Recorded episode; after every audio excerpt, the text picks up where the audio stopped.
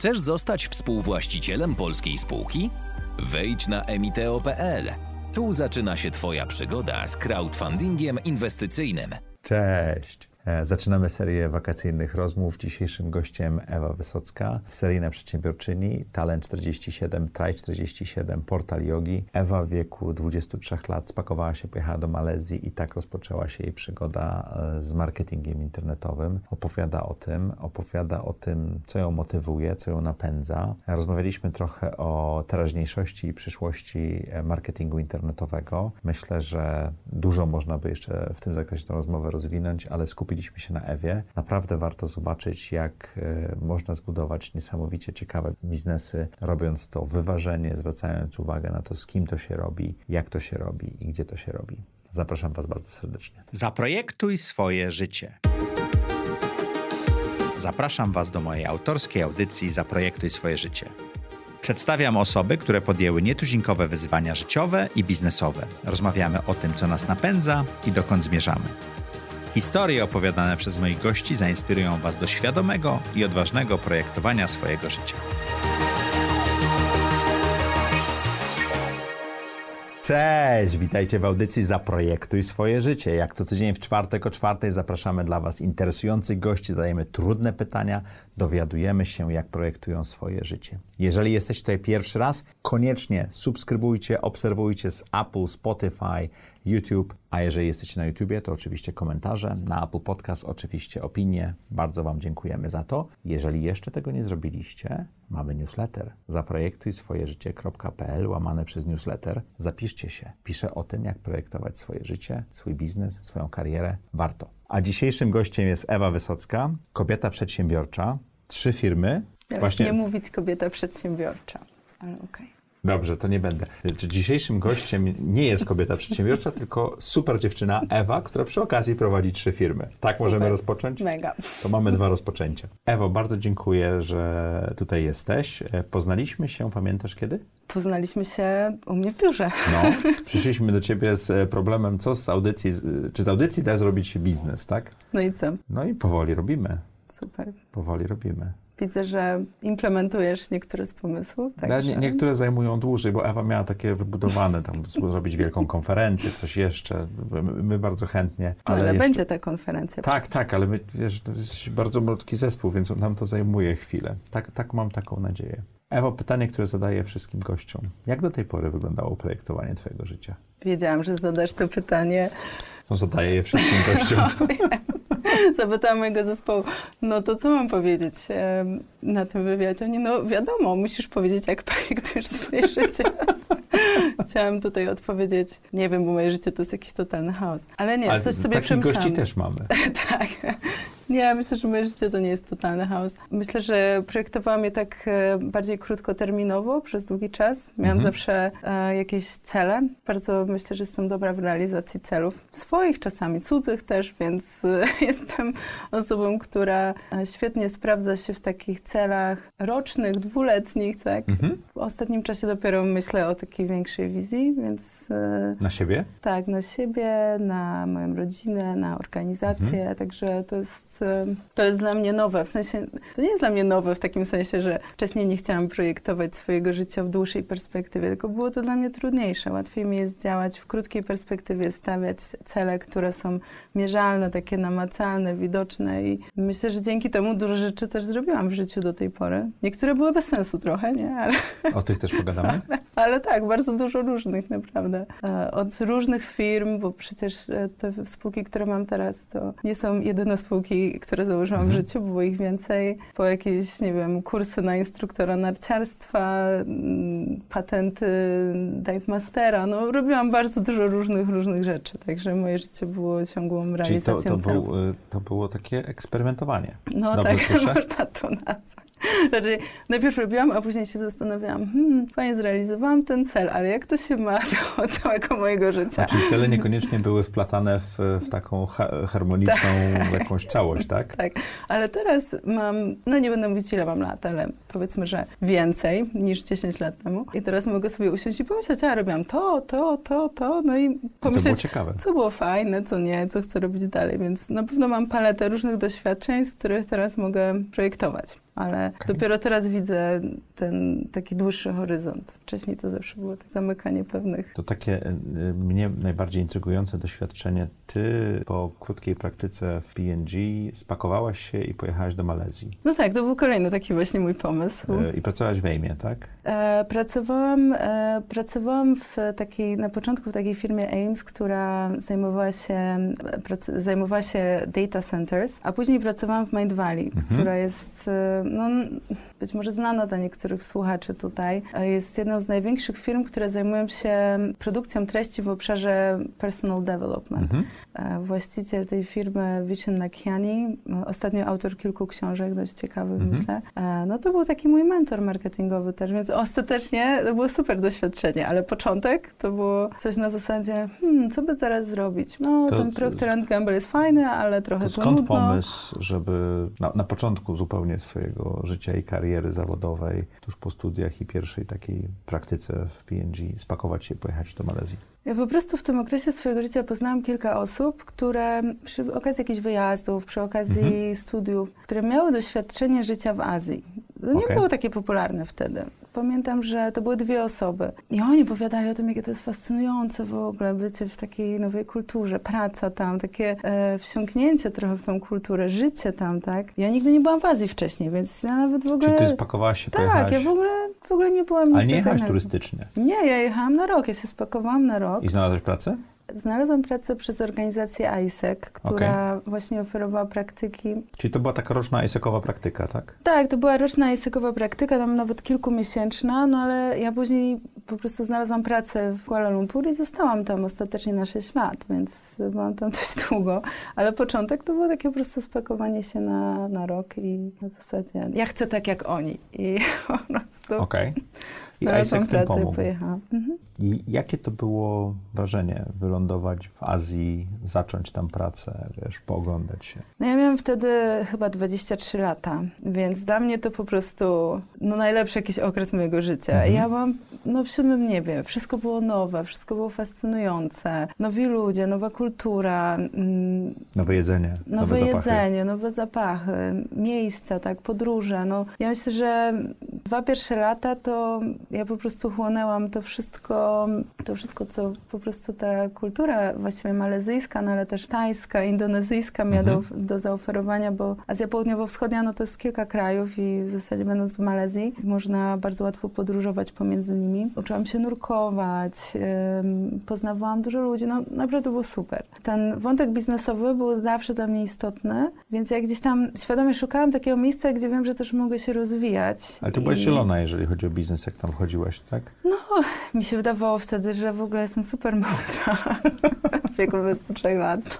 Jeszcze po praktyce w Prokterze, gdzie mi zaoferowali pracę, ja jej nie przyjęłam, to w ogóle myślałam, że ja jestem w ogóle jakimś tutaj złotym Chod dzieckiem. Chodzę nie? po wodzie, wodzie nie zostawiając kółek, tak? Byłam trochę bezczelna, myślę też, więc w tej pierwszej... Pomaga? Ja myślę, że na tym etapie to pomogło, bo ta moja pierwsza praca w Azji to była praca w firmie, gdzie ja i druga praktykantka z Brazylii e, byłyśmy jedynymi jakby kobietami z zachodu, które przyszły tam do pracy i które kwestionowały autorytet, bo tam generalnie nikt w tej firmie nie kwestionował autorytetów, a my byliśmy strasznie bezczelne obydwie. Wszystko nam się nie podobało, wszystko chcieliśmy zmieniać, mając zero doświadczenia ze sobą, więc byliśmy takim ewenementem po prostu tam. Wszyscy tak um, trochę ich może denerwowaliśmy, ale trochę też e, się nami fascynowali, że my tutaj tak wchodzimy w sumie bez żadnej wiedzy, bez żadnego doświadczenia, ale to chcemy zmieniać, to zmieniać, to robić. Ja ostatecznie też się tam dużo nauczyłam, bo miałam fajnych szefów właśnie z obszaru mhm. marketingu. Oni mnie często zabierali na różne spotkania, często ważne spotkania. Nie wiem, może dlatego, że działał ten efekt e, białego człowieka w mhm. Azji i jeszcze takiej właśnie troszkę bezczelnej dziewczyny, która tutaj pewnie coś powie i rozładuje atmosferę na tym spotkaniu. Więc ten pierwszy rok był ciekawy, ale tam nie było dla mnie rozwoju. Mm, później spotkałam właśnie ludzi z tej firmy Mind Valley. Mind Valley zatrudniała bardzo dużą ilość obcokrajowców, bo... Mind Valley jest znane słuchaczom audycja, tak, bo Lidia Zalewska tu była A, i opowiadała właśnie, właśnie jak zaprojektowała zaczynała swoje życie dzięki tym kursom z Mind Valley, tak? No właśnie, Litkę też znam. A, więc... a jak, jak e, poznałeś tych ludzi prywatnie czy biznesowo? Jak się znajduje praca? Na imprezie ich poznałam. Okej, okay. czyli, praca, czyli na imprezy warto chodzić, tak? Tak, oni zrobili jakąś taką wielką imprezę, znałam dużo ludzi, miałam 20 wtedy, nie wiem, 5, nie, 4 lata chyba wtedy. Poszłam na imprezę, dobrze się bawiłam, spotkałam założycieli. No o, jesteś fajna, w sumie przyjdź do nas na rekrutację. Przyszłam na tą rekrutację. Oni wtedy byli na etapie chyba 30 osób w zespole. Czyli jeszcze byli tak, mali. dopychali ludzi do tego zespołu. Ja, masz jakieś doświadczenie w tym marketingu? Chodź. Więc... Y, A jeżeli chodzi o papiery i wszystko, to oni się zajęli? Bo to... Tak, znaczy ja miałam już pozwolenie o pracę wtedy przygotowane przez mhm. ISEC, a e, następnie, no Mindvalley oczywiście organizowała też pozwolenia mhm. o pracę, bo zatrudniała bardzo dużo obcokrajowców, dlatego że Mindvalley była w Malezji, ale w sumie sprzedawała na rynek amerykański, anglojęzyczny, ogólnie światowy, więc tam była bardzo taka wielonarodowościowa kultura organizacyjna. Czyli też inna niż w poprzedniej twojej firmie, tak? Tak, absolutnie, zupełnie inna. Myślę, że bardziej amerykańska, mhm. bo założyciele też założyli w sumie firmę w Stanach, no ale później przenieśli ją do Malezji z uwagi na różne personalne mm, historie. Także no Mind Valley to, to w ogóle był inny świat, tak? To, to, to, Co to był za świat? to był świat marketingu internetowego w czasach, kiedy myślę, że w Polsce jeszcze nie było firm, które sprzedawały całkowicie w modelu internetowym. To była firma, w której od momentu, kiedy przyszłam do momentu, kiedy wyszłam, zespół zwiększył się do tam chyba 150 osób z 30. Dynamiczny wzrost, nowe w ogóle technologie też wchodzące w obszarze marketingu internetowego. Pamiętam, że mm, Facebook stał się platformą reklamową w momencie, kiedy ja e, byłam gdzieś tam w środku mojego doświadczenia mhm. w Mind Valley, także ustawiałam jakieś pierwsze reklamy na Facebooku, który teraz jest e, ogromną platformą reklamową. To był zespół, gdzie cały marketing był w internecie. Dla mnie to było fascynujące. Robiliśmy wszystko, tak? Robiliśmy content marketing, robiliśmy e, paid advertising, budowaliśmy strony docelowe na jakimś tam własnym systemie, mhm. robiliśmy automatyzację marketingu, zmienialiśmy ten system automatyzacji razem z tym, jak rozwijały się też systemy do automatyzacji marketingu, od jakiegoś strasznie prostego systemu do HubSpota na pewnym etapie, który mhm. później został zastąpiony kolejnym rozwiązaniem. Mm, robiliśmy marketing afiliacyjny, robiliśmy jakiś tam pierwszy, nawet influencerski marketing, jakieś takie zalążki tego. Także wszystkie obszary marketingu internetowego były tam realizowane. I one w pewnym sensie wtedy się tworzyły też, nie? One się tworzyły, ale one też wszystkie były realizowane razem przez jeden mhm. zespół, jakby e, na początku w jakiejś willi w Kuala Lumpur, mhm. później w pięknym biurze w centrum miasta. To mnie bardzo wiele nauczyło i myślę, że dla mnie to było takie doświadczenie, które, e, no, z którego korzystam do dziś. Też to jak widzę marketing, mnie nigdy nikt nie uczył osobno SEO, osobno mediów płatnych, osobno budowy stron, osobno content marketingu, osobno e, social media. Ja zawsze wszystko widziałam razem, bo myśmy mhm. zawsze wszystko projektowali razem. Więc to spojrzenie na marketing dla mnie zawsze było od tego, ok, jaki problem chcemy rozwiązać, do kogo chcemy dotrzeć, no to teraz jakie mamy tutaj dostępne narzędzia, wszystkie. No to jak nimi jesteśmy w stanie zarządzić, żeby uzyskać cele, e, których, e, które chcemy osiągnąć przy okazji tej kampanii czy nowego produktu. Także to mnie bardzo ukształtowało, no i jest też jakąś podstawą do tego, jak ja teraz działam w obszarze wsparcia innych biznesów mhm. za pomocą marketingu internetowego. To była praca, która, w której miałaś pierwszą pozycję menedżerską również, prawda? Tak, pierwszą pozycję menedżerską. W ogóle mam, myślę, że strasznym menedżerem. Co to znaczy, że byłaś strasznym menedżerem? Nie, no byłam okropna. Byłam młoda, też ta organizacja była takim bardzo... Bezczelna dalej? Jeszcze bezczelna, chociaż już wtedy może mniej bezczelna, a bardziej taka skupiona na celach, okay. więc ja miałam jakieś takie swoje cele, że teraz chcę się nauczyć robić product launch. To były takie krótkie kampanie nastawione mhm. na maksymalizację zysku. Bardzo się w to wkręciłam, czytałam w ogóle, oglądałam jakieś kursy. E, chciałam mocno rozkminić, jak zrobić taki naprawdę dobry product launch. Zarządzałam projektem, ale totalnie nie widziałam tego e, aspektu ludzkiego. Także po prostu Czyli ci ludzie byli narzędziami dla byli ciebie, narzędziami a nie, twój, nie zespołem. Tak, totalnie. Myślę, że to było bardzo słabe, ale też wtedy na tym etapie rozwoju organizacji nikt nie myślał o rozwoju tego wątku mm, współpracy. Wszyscy byli Czemu? skupieni na celach. Organizacja bardzo szybko zaczęła się okay. rozwijać i nie było jeszcze kogoś w organizacji, kto zwróciłby uwagę na te miękkie A to nie jest tak, że wzrost dużo wybacza?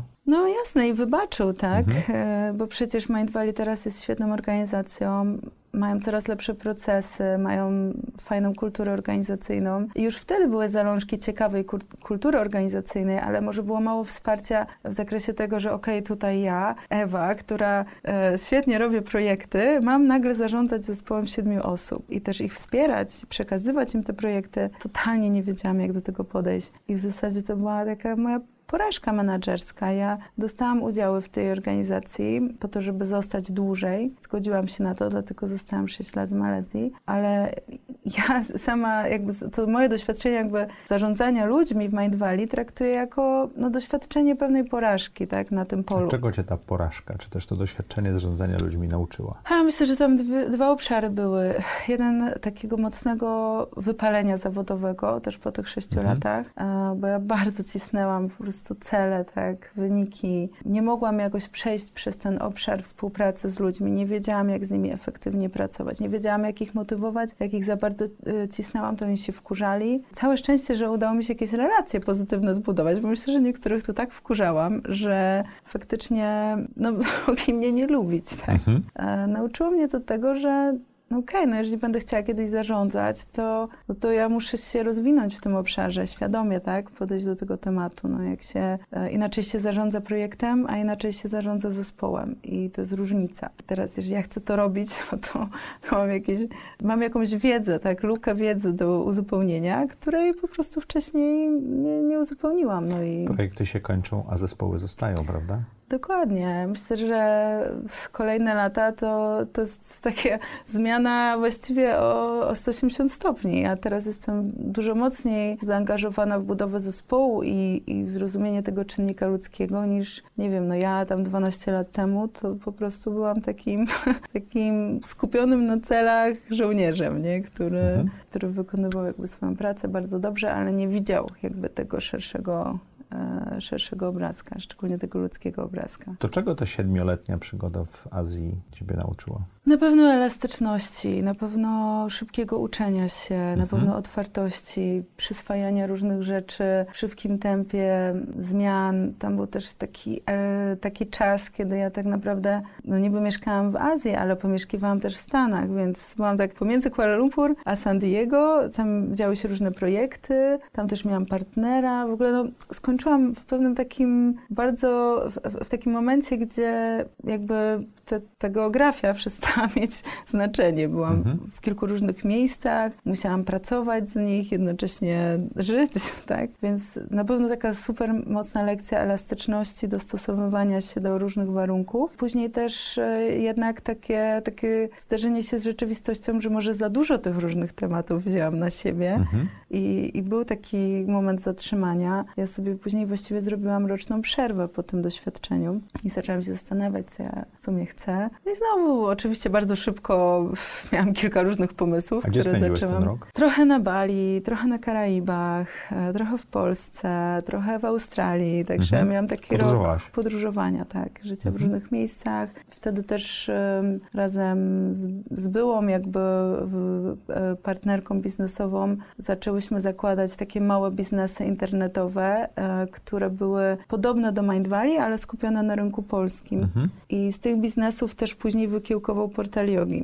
Mhm. Także eksperymentowałyśmy tam, mieliśmy kilka porażek, wiele z tych biznesów nie wyszło. Też zrobiłam aplikację w ogóle mobilną dla płetwonurków, miałam jakiś taki pomysł.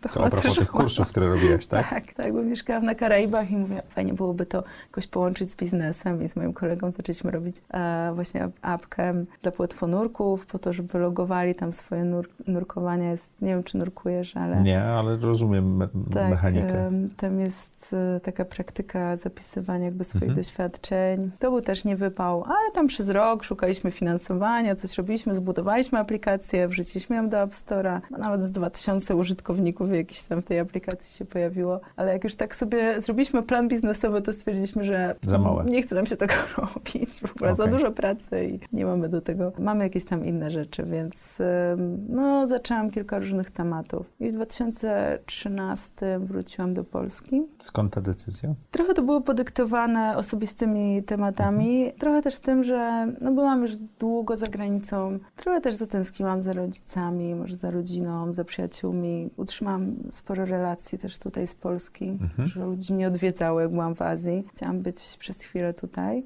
No i wtedy też miałam taki moment, okej, okay, no to co, co teraz? Mam kilka otwartych tematów, tam apkę nurkową, miałam ten portal jogi gdzieś tam. zaczynał się wtedy? Tak, on kiełkował, ale mhm. wiele z niego nie było. Rozstawałam się z tamtą wspólniczką, bo się nie, nie mogłyśmy do końca dogadać, więc było kilka różnych rzeczy. Zaczął się pojawiać taki wątek konsultingowy, zaczęli mhm. do mnie przychodzić ludzie, którzy trochę przez mojego byłego partnera zauważyli, że okej, okay, patrzę na marketing inaczej, chcieli jakąś poradę. Ja sobie zaczęłam układać jakiś swój proces konsultingowy, więc zrobiłam trochę konsultingu, trochę portalu jogi, trochę tej aplikacji mobilnej. Taki, no myślę, 2013-2014 to był lekki chaos. Ja o biznesie chciałem cię zapauzować na moment, bo dla mnie powrót do Polski po takiej długiej przerwie był y, najtrudniejszą przeprowadzką. Jakie miałeś wrażenie, wracając y, z Azji i z, z, z tych światowych wojaży twoich y, w tym, po tym roku przerwie, wracając do Polski i tak osiadając tutaj, ten pierwszy rok? On był trochę trudny, szczególnie, że przeprowadziłam się do Wrocławia, do miasta, w którym nigdy nie mieszkałam.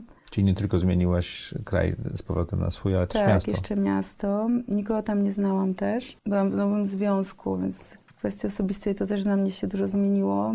Nie przypominam sobie tego czasu jako trudny, bo ja lubię zmiany, okay. ale przypominam sobie, że trochę taki czas, kiedy potrzebowałam dużo czasu dla siebie. Tak? Lubiłam być sama ze sobą i potrzebowałam trochę tak takiego momentu osadzenia. E, tak jak wcześniej byłam bardziej aktywna, tak ten pierwszy rok pamiętam, że tak trochę osiadłam, tak musiałam Rozejrzeć się odnaleźć, rozejrzeć, zrozumieć, co robię. Miałam dużo tych tematów biznesowych otwartych, ale potrzebowałam takiej przestrzeni, żeby trochę A co cię tak... najbardziej zaskoczyło wtedy w Polsce? Nic mnie specjalnie tak nie zaskoczyło. Okay. Może zaskoczyło mnie w kontekście biznesowym coś tam, że właśnie zupełnie inaczej wygląda ten świat marketingu internetowego tutaj i zobaczyłam, że o fajnie, to jest dużo możliwości w sumie rozwoju. Tu można zakładać własny biznes, tu jest przestrzeń, tutaj znam ludzi, tutaj znam język, tutaj mogę coś przynieść jakby. Mhm. Mm, to tak może na początku nie byłam pewna, czy w Polsce się odnajdę, tak tutaj pomyślałam, o właściwie mogę się tu odnaleźć, to jest fajne miejsce, korzystać z czegoś, z czego ja się nauczyłam gdzieś tam indziej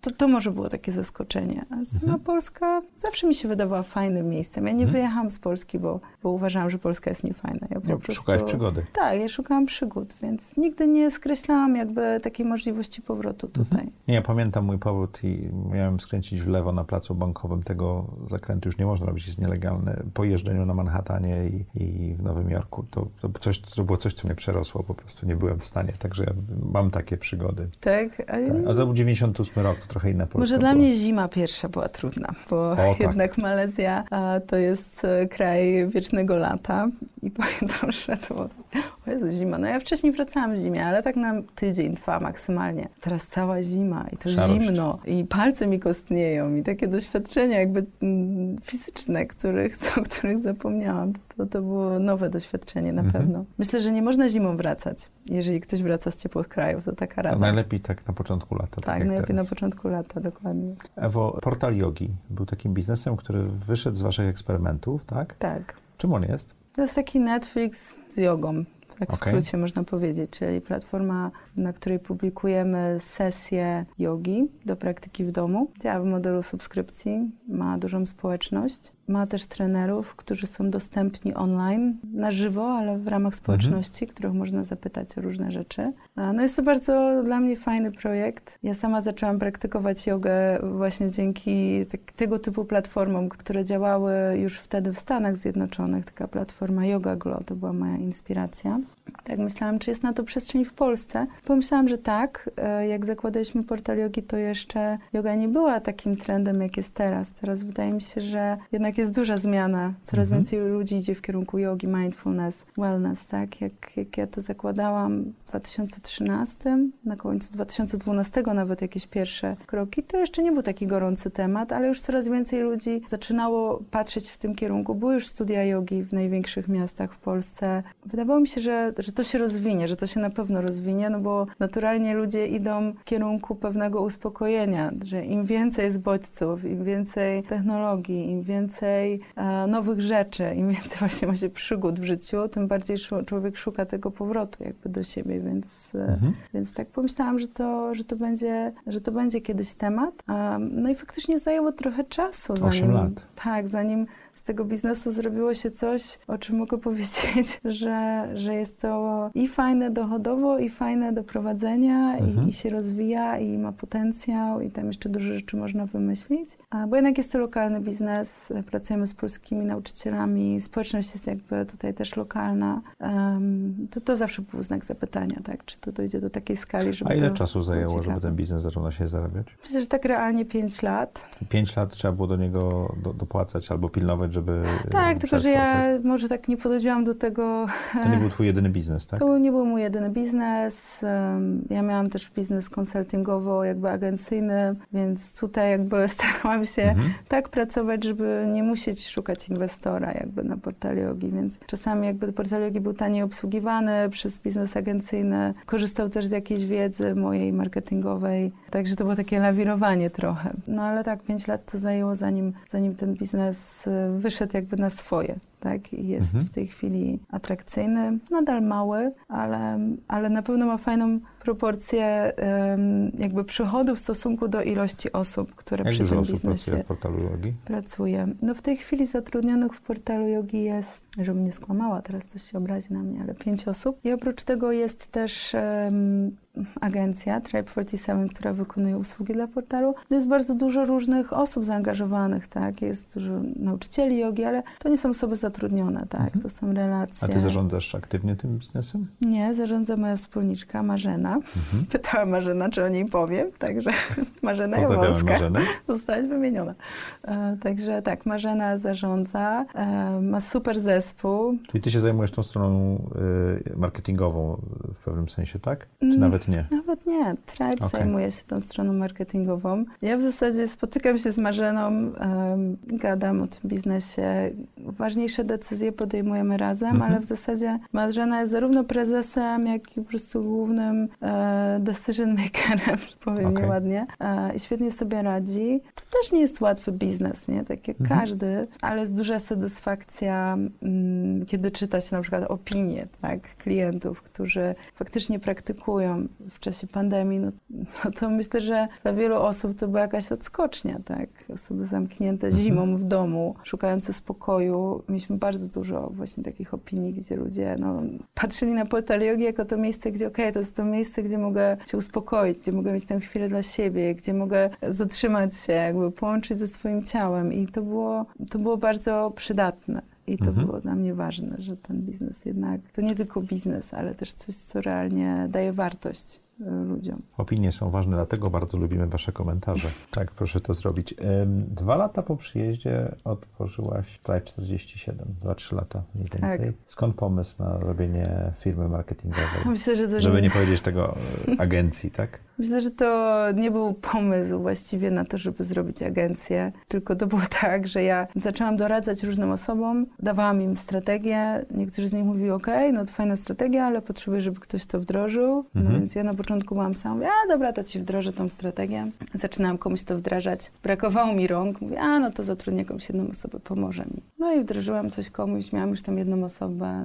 Mówię, okej, okay, no to już skończyliśmy ten projekt, no to teraz trzeba znaleźć kolejny, nie? A ktoś jeszcze chce pracować, no to może jeszcze jedną osobę. Więc tak organicznie nagle się okazało, że o, już nas jest tam pięć osób, tak? A już nas jest siedem osób, dziesięć osób. A dziesięć osób to już jest, po, po, po, jest firma, poważna nie? lista płac, nie? Dokładnie, więc to tak organicznie się rozwijało i no i ja wtedy też trochę uczyłam Robiliśmy takie spotkania e, w Google Campus Warsaw, które mhm. nazywały się Traffic and Conversion uh, Meetups z moim znajomym Samuelem Cookiem, takim mhm. Amerykaninem, który tutaj przyjechał i też właśnie bawił się w marketing internetowy. Dużo ludzi przychodziło na te spotkania, w związku z tym coraz więcej ludzi chciało też więcej wiedzieć na temat marketingu internetowego i chciało też implementować bardziej profesjonalne metody pozyskiwania użytkowników kanałami internetowymi w swoich firmach, więc przychodziło coraz więcej osób, które chciały porady czy wdrożenia, no i to tak właśnie się rozwijało. Plus byliśmy w kampusie, który wtedy funkcjonował trochę inaczej niż teraz.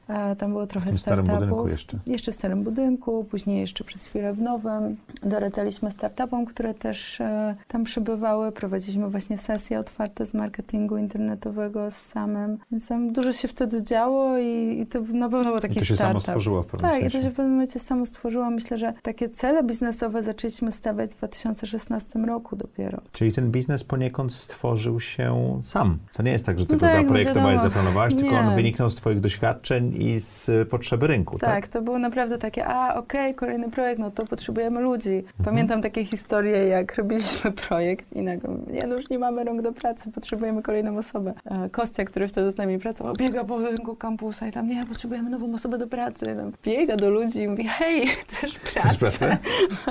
Po prostu tam, mm, no wiesz co, niekoniecznie. Nie?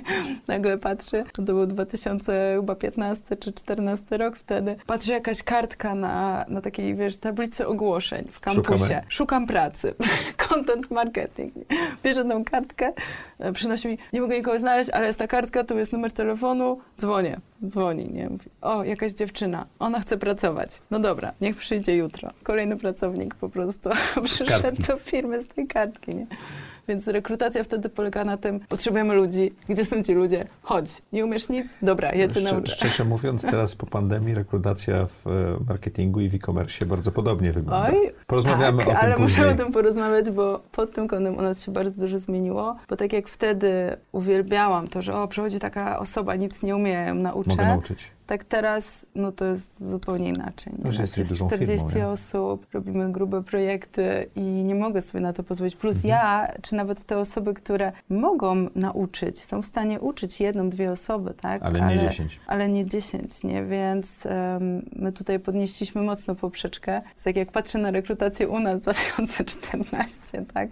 Typu z łapanki ulicznej, kto chce, to w ogóle przychodź, zrobimy z ciebie marketera. Ale powiedziałaś jedną ciekawą rzecz, że cele biznesowe zaczęłaś sobie stawiać w 2016 roku, czyli tam Tak. dwa lata po rozpoczęciu tego, czy tam trzy Tak, lata nawet po rozpoczęciu tak, tej tak. przygody. Czemu tak było? Wiesz co, myśmy wcześniej robili cele na projekty po prostu, nie? Okej, nie myśleliście o I biznesie nie jako o myśleliśmy tak całości. bardzo o biznesie, trochę tam jakieś wątki się pojawiały, ale to się nie realizowało, bo to nie było mm, zorganizowane, tak? W Mhm. 2016 zaczęliśmy do jakiegoś poziomu to organizować, ale tak naprawdę takie zarządzanie organizacją przez cele, takie prawdziwe, z którego ja jestem zadowolona, nie maksymalnie zadowolona, ale uważam, że to już jest dobra droga, Ukontentowana, tak?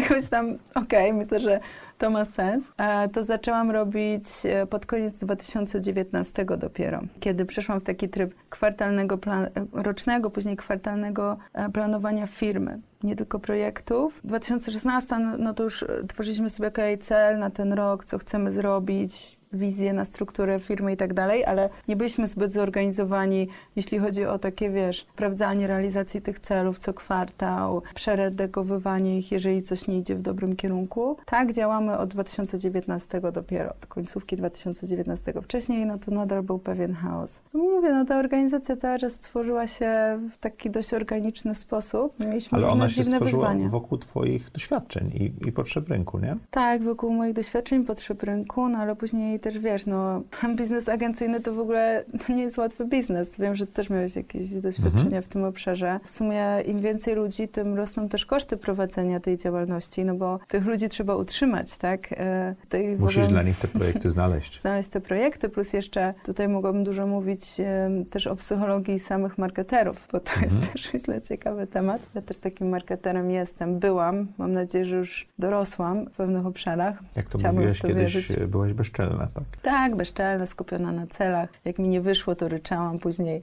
No to jest taki troszeczkę, trochę psychika gamera, tylko ta gra Tylko jest... gr- grą jest e, gdzie indziej.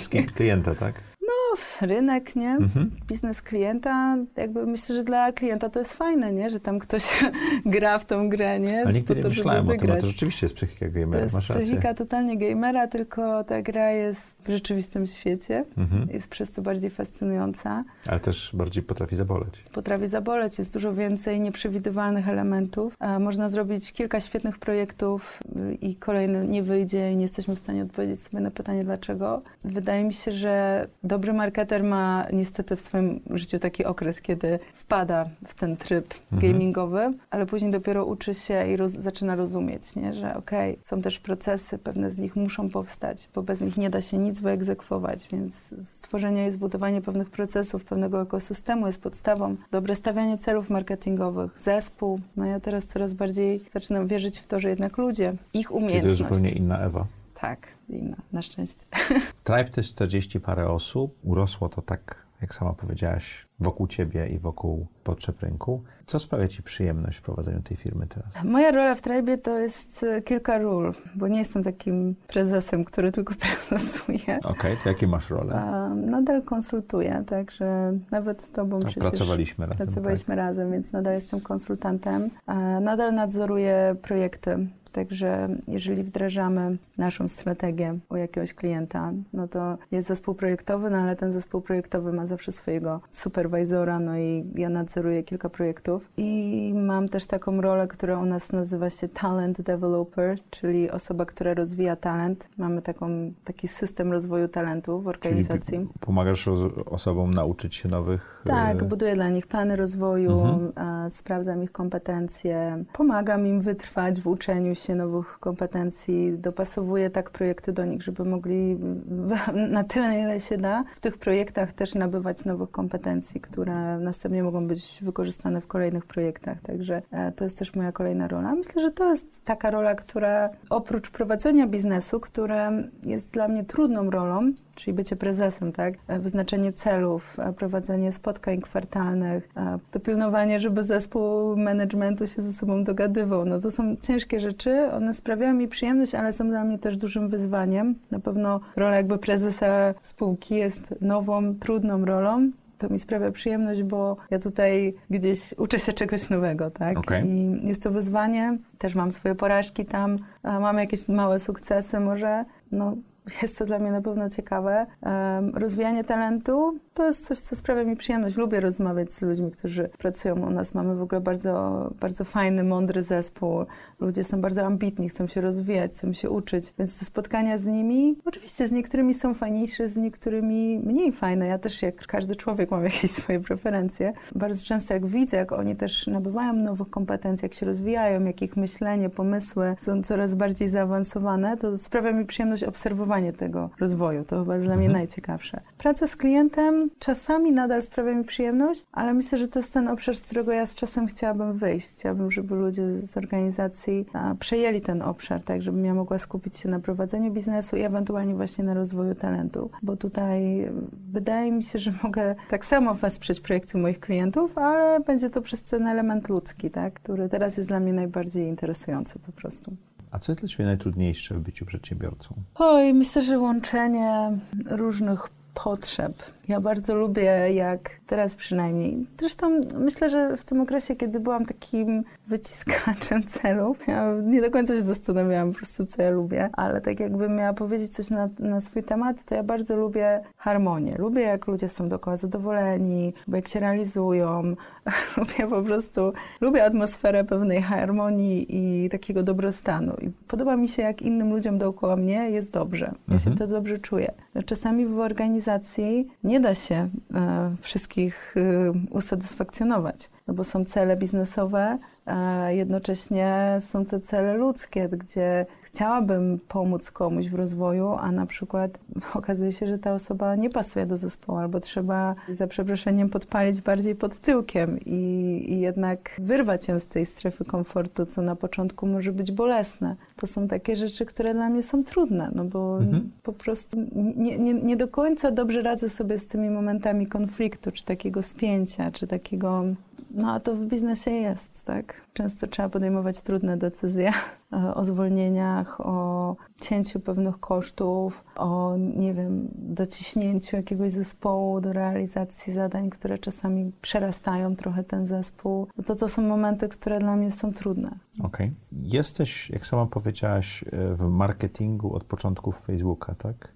No i- nie od początku Facebooka, o, tak, okej, ale... od początku reklam płatnych Facebooka i tak dalej. Tak. Jak to wyewoluowało? Gdzie my jesteśmy w tej chwili, jeżeli chodzi o marketing? Powiedziałeś, że masz to holistyczne spojrzenie i tak dalej. dalej, więc to jest też ciekawe. Że jesteśmy w takim momencie, kiedy po prostu nikt nie wie, co będzie. No naprawdę, tak szczerze okay. uważam. Gdzie tak w zasadzie jest bardzo dużo narzędzi, bardzo dużo platform. Oczywiście jest kilku liderów i wszyscy wiemy, że jak chce się robić marketing internetowy, no to, to trzeba kumać Google'a, Facebooka, Amazona najlepiej jeszcze też. Um, szczególnie w e-commerce, tak? Szczególnie w e-commerce. Pojawia się ten cały temat AI, także za chwilę to w ogóle maszyny nas zastąpią wszystkich, mhm. nie będziemy potrzebni. Każdy się zastanawia, no to, gdzie tu jest ta rzeczywistość, tak? Jest cała afera teraz e, z tymi ciasteczkami, tak? I z tym, mhm. jak to, to Apple nie chce przekazywać, nie chce, żeby jego użytkownicy udostępniali swoje dane do platform reklamowych. Jest w ogóle kontrowersyjny temat, można by o tym długo rozmawiać. To ma bardzo duży wpływ na, na biznes, na moją pracę, na pracę naszej agencji to ma duży wpływ. To w jaki sposób musimy dołożyć więcej pracy po prostu, mhm. żeby śledzić pewne rzeczy, by oceniać rezultaty. No, wydaje mi się, że jest duży znak zapytania, w jakim kierunku to idzie, ale jednego jestem pewna, na pewno idzie to takim kierunku, gdzie marketerzy nie mogą patrzeć bardzo wąsko. To jest jedna mhm. rzecz, której jestem pewna, że to już nie są czasy bardzo wąsko patrzących specjalistów od marketingu. Kogoś, kto zna się na... Na reklamach na Facebooku. Na tak? przykład na samych reklamach, albo kogoś, kto zna się na samym SEO, albo kogoś, kto zna się na samym postowaniu na kanałach społecznościowych. Bo te osoby zostaną zastąpione za chwilę przez maszyny. To jest Mhm. To, to, to, tego nie, nie mam wątpliwości co do tego, tak? Osoby, które potrafią myśleć biznesowo i przekładać to na narzędzia marketingowe, wybierać z tego ogromu różnych możliwości właściwe narzędzia, ustalać priorytety we właściwy sposób, łączyć obszar kreatywny z technologią i z liczbami, to są osoby, które, które będą w marketingu internetowym osiągać karierowe sukcesy na tyle, na ile będzie to możliwe, tak? I wydaje mi się, że to jest, znowu widzę pewnie w tym obszarze ludzkim jakąś zmianę. Marketing internetowy dla wielu biznesów internetowych jest podstawą funkcjonowania. Tak? Marketing internetowy... Jest po prostu marketingiem. Tak, ale też marketing internetowy to też jest takie wąskie słowo. To jest tak naprawdę pozyskanie klienta, więc to mhm. jest marketing i sprzedaż, które dzieją się jednocześnie w e-commerce'ach, e, we wszelkiego rodzaju aplikacjach. I tutaj trzeba rozumieć i biznes, i te narzędzia, tak? I jeszcze liczby. Jakby tak taka osoba, która jest trochę takim Leonardo da Vinci tak naprawdę, współczesnym, to, to są te osoby, które uważam, że są potrzebne w organizacjach i szybko uczące się i szybko potrafiące pracować z tymi zasobami, które są, które są dostępne, tak? Bo jest bardzo dużo narzędzi dostępnych w tej chwili. Wybór właściwych, ułożenie ich w jakąś sensowną całość, to zaczyna być pewną sztuką. E, wchodząc tutaj powiedziałeś, że e, masz już trzeci biznes, tak. 47. Talent który, 47. Przepraszam, Talent 47 tak. E, który właśnie zajmuje się e, wyszukiwaniem takich osób, tak? No tak, no to tak zastanawialiśmy się właśnie na początku tego roku, jak chcemy, żeby Tribe 47 się rozwinął, tak? No mhm. Bo na razie no, w zeszłym roku nadal dostarczyliśmy strategie dla biznesów internetowych, wdrażaliśmy niektóre strategie, jeżeli kogoś było na nas stać. No i teraz pytanie, chcemy się rozwijać, no to czy chcemy mieć jeszcze więcej projektów? Powiedzieliśmy sobie, że nie, że chcemy być nadal butikową w sumie firmą, obsługiwać no, jakieś tam grono klientów, może tak na stałe, maksymalnie 10, 10 projektów jesteśmy w stanie obsługiwać w takiej formie jakby wykonywania marketingu. No ale co dalej? No, bardzo często nasi klienci mają większe potrzeby, nie chcą na przykład wszystkiego przekazać do agencji, a jednocześnie bardzo trudno jest im znaleźć talent, który przyjdzie do ich organizacji i zacznie wykonywać sensowną pracę w obszarze marketingu internetowego. I to jest realny problem. Wydaje mi się, że ostatnio tak rozmawiałam z kimś, I też jest kto... ciężko ocenić kompetencje. Tak, tak, że w IT jest taki problem, że jak potrzebujesz informatyka, no to no, gdzieś tam wystawiasz ogłoszenie w internecie i nikt się nie zgłasza, nikt się nie zgłasza, nikt się nie zgłasza. W marketingu internetowym jest tak, że wystawiasz ogłoszenie i zgłaszać się multum ludzi. I teraz z tych osób wyłonienie tych, którzy faktycznie mają kompetencje jest pewną sztuką, bo tutaj bardzo łatwo jest powiedzieć, że coś umiesz. Jakby weryfikacja tej wiedzy i tych umiejętności bardzo często następuje dopiero w momencie pracy mhm. i można to zweryfikować często dopiero po kilku miesiącach, szczególnie jeśli właściciel firmy nie ma kompetencji w tym obszarze. jak to weryfikujecie? Stworzyliśmy sobie procesy do tej weryfikacji. Właśnie od tego momentu, kiedy biegaliśmy panicznie po korytarzu i braliśmy każdego. Ale to stworzyliście procesy dla Triba. Tak, stworzyliśmy procesy dla Mhm. Triba i teraz stwierdziliśmy, że no mamy dobre procesy, e, mamy coraz lepszy zespół, widzimy to sami. E, potrafimy też pozyskiwać zgłoszenia. W zeszłym roku samym e, zgłosiło się do nas 3,5 tysiąca osób do Mhm. To już wydaje mi się, że jest dużo. Dla 40-osobowej firmy to dużo. Tak, no pozycji mieliśmy chyba przez cały rok otwarte, nie chcę skłamać, około 20. Z tego 15% tylko aplikacji to były aplikacje, które miały sens, więc tutaj była weryfikacja gdzieś tam CV, są pewne testy, które robimy po drodze, e, no i później mamy jakiś taki swój system prowadzenia rozmów, no na podstawie którego wydaje nam się, że jesteśmy w stanie wybrać talent, który no faktycznie te kompetencje ma, tak? Tylko w naszym obszarze. Nie wchodzimy w ogóle w inne obszary, tak? Wchodzimy tylko w te pozycje, które sami rekrutowaliśmy wcześniej, wiemy jak te osoby zarekrutować, wiemy co też z nimi powinno się ewentualnie później zadziać w organizacji, więc jesteśmy w stanie w tym obszarze doradzić. Pewnie gdzieś tam będziemy ten talent 47 rozwijać, też pod kątem, okej, no to jak może rozwijać nawet ten talent, tak? Budujemy naszą własną akademię marketingu. Czyli będzie ludzi uczyć. Będziemy uczyć, tak. To jeszcze nie jest projekt, który ujrzał światło dzienne, ale mam nadzieję, że najpóźniej w 2022 będzie dostępna Mhm. taka możliwość, żeby się od nas uczyć. No więc pomyśleliśmy, że tak, no to, to jest ten sposób, w który chcemy rozwijać Tribe'a, jakby wspierać naszych klientów w różny sposób. Nie muszą zawsze kupować od nas usług, mogą też e, uzyskać od nas wsparcie strategiczne i później rekrutacji właściwych osób i później być może też rozwoju tych osób, tak? Także żeby one były w stanie no, u naszych klientów pozyskiwać klientów, tak? Utrzymywać ich i tak dalej. Powiedziałaś my. Kto to jest my? No, Tribe to nie jestem tylko ja, tak? Jakby to Mhm. już jest em, 40 osób. a W zespole management mamy 7 osób razem ze mną. Bardzo dużo kobiet, wspomnę, ale są też mężczyźni. A jesteśmy mocno kobiecą firmą, z czego jestem dumna, choć czasami pewnie fajnie byłoby mieć więcej facetów też na To pokładzie. generalnie balans pomaga, prawda? Ja zawsze balans pomaga, tak? W każdym razie my jako zespół e, managementu rozdałam jakby opcje na udziały e, Czyli w twoi menedżerowie są, e, czy też zaraz będą wspólnikami, Tak, tak? będą zaraz wspólnikami. Podobnie jest w portalu Yogi, em, podobnie będzie też w talencie, więc tak, no, no chciałabym w ten sposób prowadzić. Nie, nie uważam, że to jestem tylko ja. Już dawno nie jestem ja, a nawet chciałabym, żeby było dużo mniej mnie niż jest Okej. teraz w Tribe. I myślę, że to idzie trochę w tym kierunku. A posiadanie wspólników to, to jest e, poważne wyzwanie. Bardzo. Miałaś, Ja miałam dużo porażek. okej.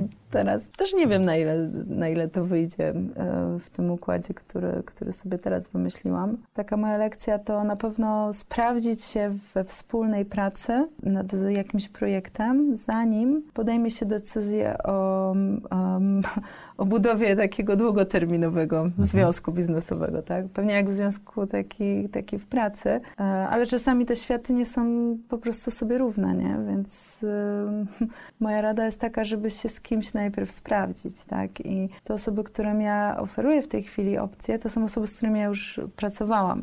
I czujesz się dobrze. Czuję się dobrze, a poza tym jakby to danie im opcji na udziały nie zmienia za bardzo ich roli w tej chwili w organizacji. Mhm. Raczej daje im perspektywę e, bycia częścią po prostu tego, tak? Że to już jest nasze wspólne, ale, ale to nie jest tak, że okej, okay, daję ci udziały, więc teraz przyjdź i wykonuj jakąś tam pracę. E, No bo tutaj wydaje mi się, że no, trzeba się gdzieś sprawdzić, tak? Bo Mhm. ktoś może być fajną osobą, ale nagle we współpracy wspólnej okazuje się, że się po prostu nie zgrywamy, tak? Że coś, coś nie klika, jest jakiś konflikt. Może być na poziomie wartości, on może być na poziomie em, metod pracy, tak? Czy oczekiwań, no ale to trzeba zweryfikować, myślę, wcześniej, nie? To z tego ja się Czyli nauczyłam. hura optymizm nie jest dobry w dobieraniu wspólników. Znaczy, jest to dla mnie trudne, jak słyszę, że niektórzy, e, niektórzy founderzy idą na rynek i szukają osób do organizacji, oferując im od razu jakby udziały. Ja też, tak, e, też mam takie historie za sobą, ale, ale wydaje mi się, że to jest bardzo trudne. W sensie to Mhm. może się udać, ale też duża szansa, że się nie uda. Okej. Także Ewo, a co dalej? w sensie, A propos projektowania życia, powiedziałeś, że mm. zmieniłaś sposób na projektowanie życia w tej chwili, teraz patrzysz bardziej długofalowo i tak no dalej. No tak, staram się popatrzeć też na ten wątek tego takiego nudnego work-life balance, tak? To nie była nigdy moja mocna strona. Mm -hmm. Na pewno miałam tendencję do e, pracoholizmu. Nie wiem, czy nawet, nie sądzę, nie uważam, że jestem pracoholikiem, ale wydaje mi się, że jak mam jakiś cel, no to szybko za nim biegnę. I teraz no, zaczynam myśleć może w dłuższej perspektywie. Chcę mieć więcej czasu też dla rodziny, dla siebie. Zastanawiam się, okej, okay, no fajne są te biznesy, to mnie interesuje, ciekawi. Są też jakieś inne obszary życia. Jakie to są obszary życia? Co ja właściwie lubię robić?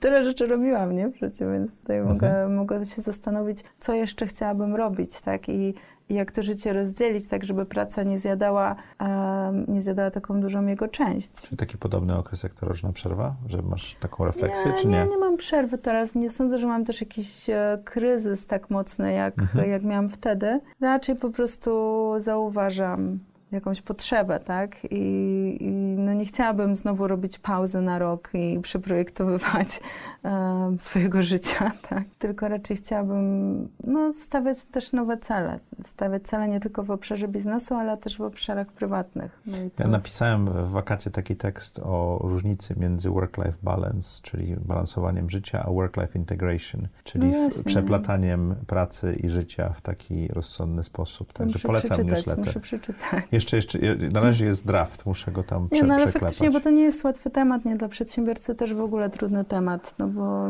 E, budzisz się, zasypiasz 7 dni w tygodniu myśląc o, o, różnych rzeczach w biznesie bardzo często, tak. Tak, no, ale widzę po sobie, że jak zaczęłam stawiać sobie cele też w życiu prywatnym, to ja też jestem w stanie realizować, mhm. tylko po prostu muszę na to moje życie patrzeć bardziej całościowo, tak, i, mhm. i to zaczyna działać, tak. Oczywiście jak e, zadaję sobie pytanie, no to co ja chciałabym tak naprawdę za 10 lat, to nadal jest dla mnie bardzo trudne pytanie, na które mm, no, staram się na nie odpowiedzieć, tak? To co byś chciała za 10 lat? No właśnie nie wiem jeszcze, nie? To ja zadam ci inne pytanie. No, dawaj. Trzy rzeczy, które chciałabyś robić za 3 lata, to? Inaczej trochę pracować. Um, zacznijmy jakby od pracy, tak? Chciałabym tam być bardziej skupiona na zarządzaniu organizacją, a mniej na wykonywaniu zadań w ramach tej organizacji. E, chciałabym na pewno mieć więcej przestrzeni na życie rodzinne e, i zastanowić się też, co w tym życiu rodzinnym właśnie chciałabym dalej robić, tak? Czy chciałabym budować rodzinę, czy nie, czy... Um, I chciałabym mieć więcej czasu na hobby, bądź też podróże, bo to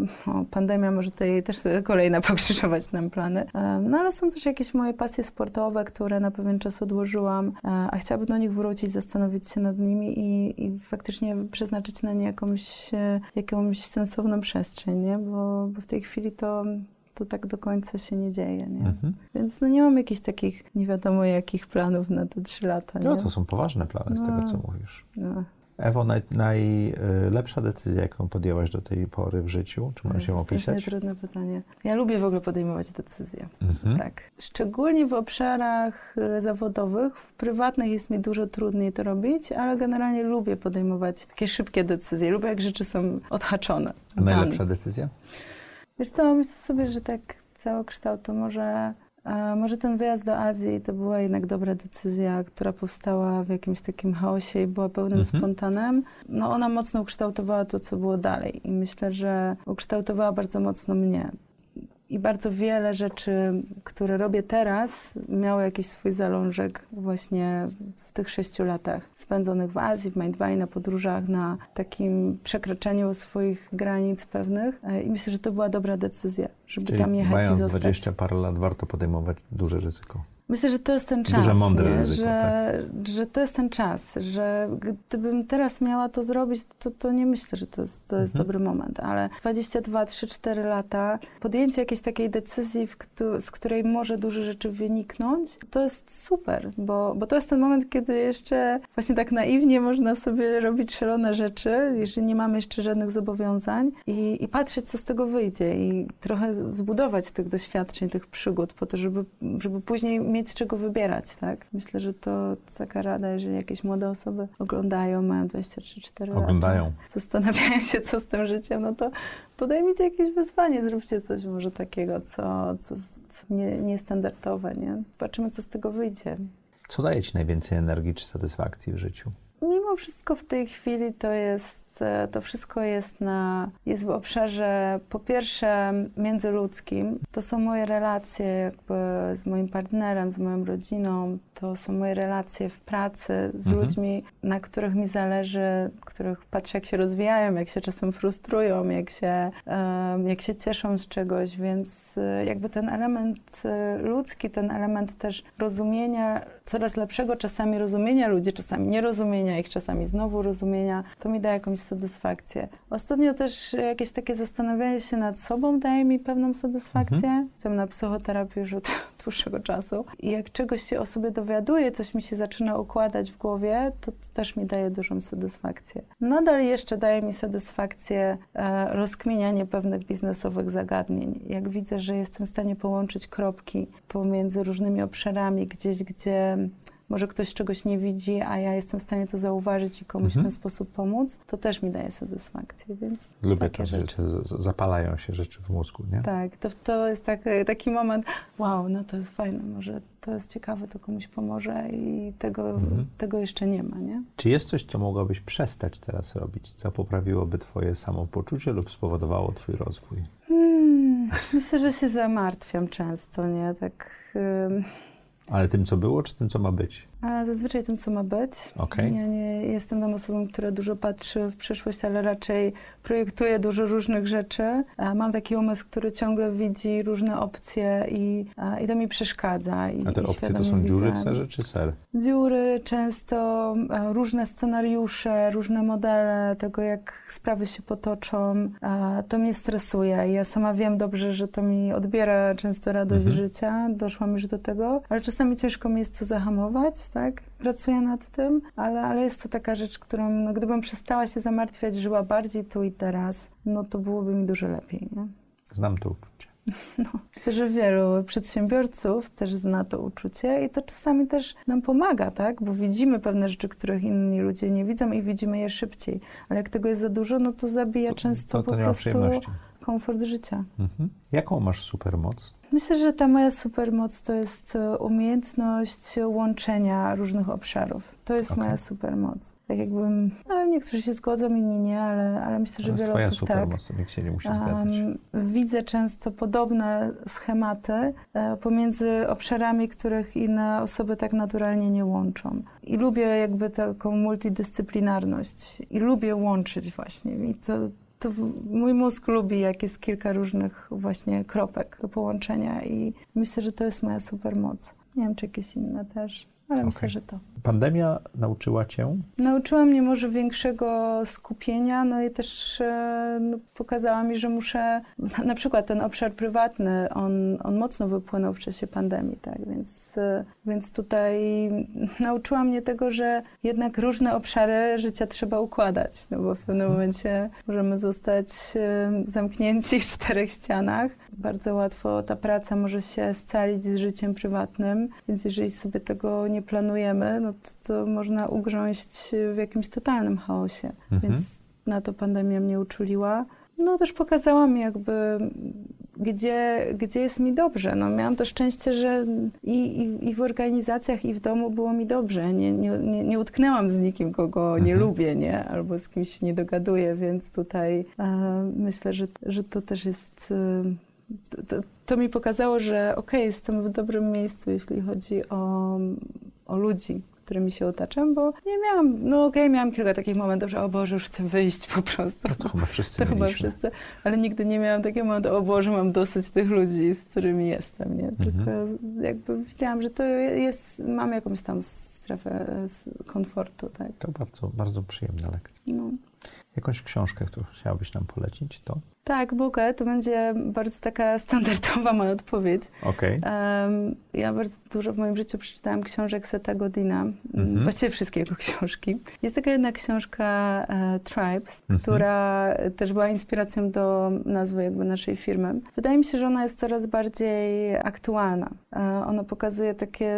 Oczywiście on, jego podejście do marketingu, sprzedaży, ono jest takie dość filozoficzne, no, mm-hmm. mało praktyczne specyficzne, ale myślę, że, że to jest właśnie potrzebne teraz. Spojrzenie na ten obszar sprzedaży i marketingu e, jako na pewną możliwość e, zmiany, e, na pewną możliwość budowy społeczności. No i ta książka o tym mówi pokazuje też, jaką odpowiedzialność często marketerzy i sprzedawcy e, mają na sobie. Tak? Mhm. Mamy dużo narzędzi, którymi jesteśmy w stanie wpływać na ludzi, więc starajmy się to robić w dobry sposób. Super książka, ja pamiętam, czy to już, już ona już swoje lata ma. Tak, tak. To jest super książka, stara, ale myślę, że e, pokazująca, jak można robić fajnie marketing. Tak? Okay.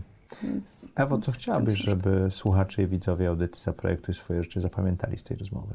Że życie to jest zmiana i, i że fajnie jest, że fajnie jest się nie napinać, jak jest się młodym, i nie projektować za bardzo tego swojego życia, jak jest się młodym, mhm. przed trzydziestką, jakby idźcie na żywioł, próbujcie różnych rzeczy, bo z tego może coś fajnego wyjść, ale że właśnie ten okres, kiedy chce się robić i biznes, i życie, to jest ten moment, kiedy, kiedy warto czasami się zatrzymać i, i zacząć i lepiej rozumieć siebie, lepiej rozumieć swoje cele, i świadomie do tego dążyć. Mm, że właśnie różne okresy życia wymagają trochę różnego podejścia. Ja tak myślę, moje życie na razie przynajmniej to mi pokazało. Więc... Super podsumowanie. Dziękuję Ci ślicznie. Proszę. Dziękuję Wam jak to czwartek o czwartej zapraszamy do audycji Zaprojektuj swoje życie.